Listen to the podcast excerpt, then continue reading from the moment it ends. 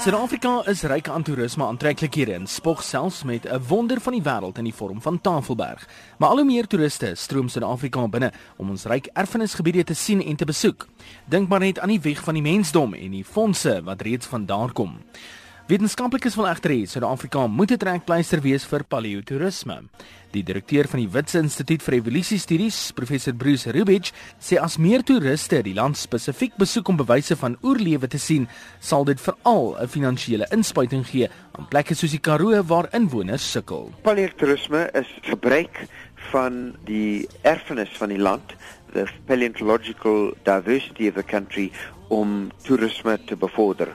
So dit kan gekoppel wees met ander tipe toerisme ook, maar is om plekke waar paleontologie uitgestal kan word of in museums of in die veld aan mense bloot te stel. Daar is egter 'n probleem met paleotoerisme. Die probleem met paleotoerisme is sodra jy 'n fossiel of 'n argeologie vir mense wys, ek weet nie wat dit is met die mense van die publiek nie, maar dan moet hulle dit vat, dan moet hulle dit steel.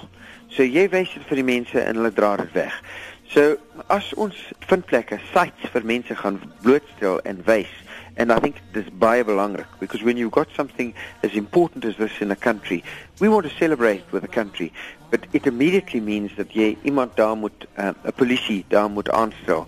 Iemand wat dit sal bewaak. Dit kan 'n toergids wees, dit kan 'n uh, wetenskaplike wees, maak nie saak nie, maar dan moet jy uh, daardie persoon kan betaal.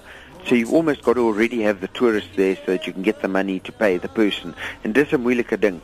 Maar dit gesê, daar is plekke wat oop is vir die publiek soos in die Cradle of Humankind. Dis 'n groot ontwikkeling, witsvis betrokke daarbey en ek dink dit is suksesvol en dit werk. Die ander plek wat werk is Langebaan weg, naby Langebaan in die Kaap. Dis nie baie ver van Kaapstad af nie en dit word beheer deur uh, Isika Museum in Kaapstad en dit is 'n sukses en hulle is besig om te werk daarop.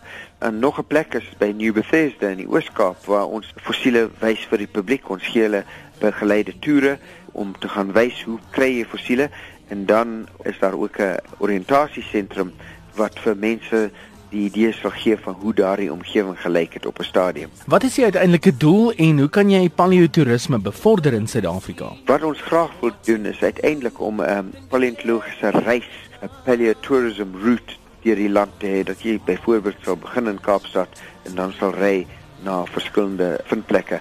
Maar ek het vir jou gesê van die probleme daarmee en ons moet net doen op 'n manier wat which is sustainable, which we can maintain.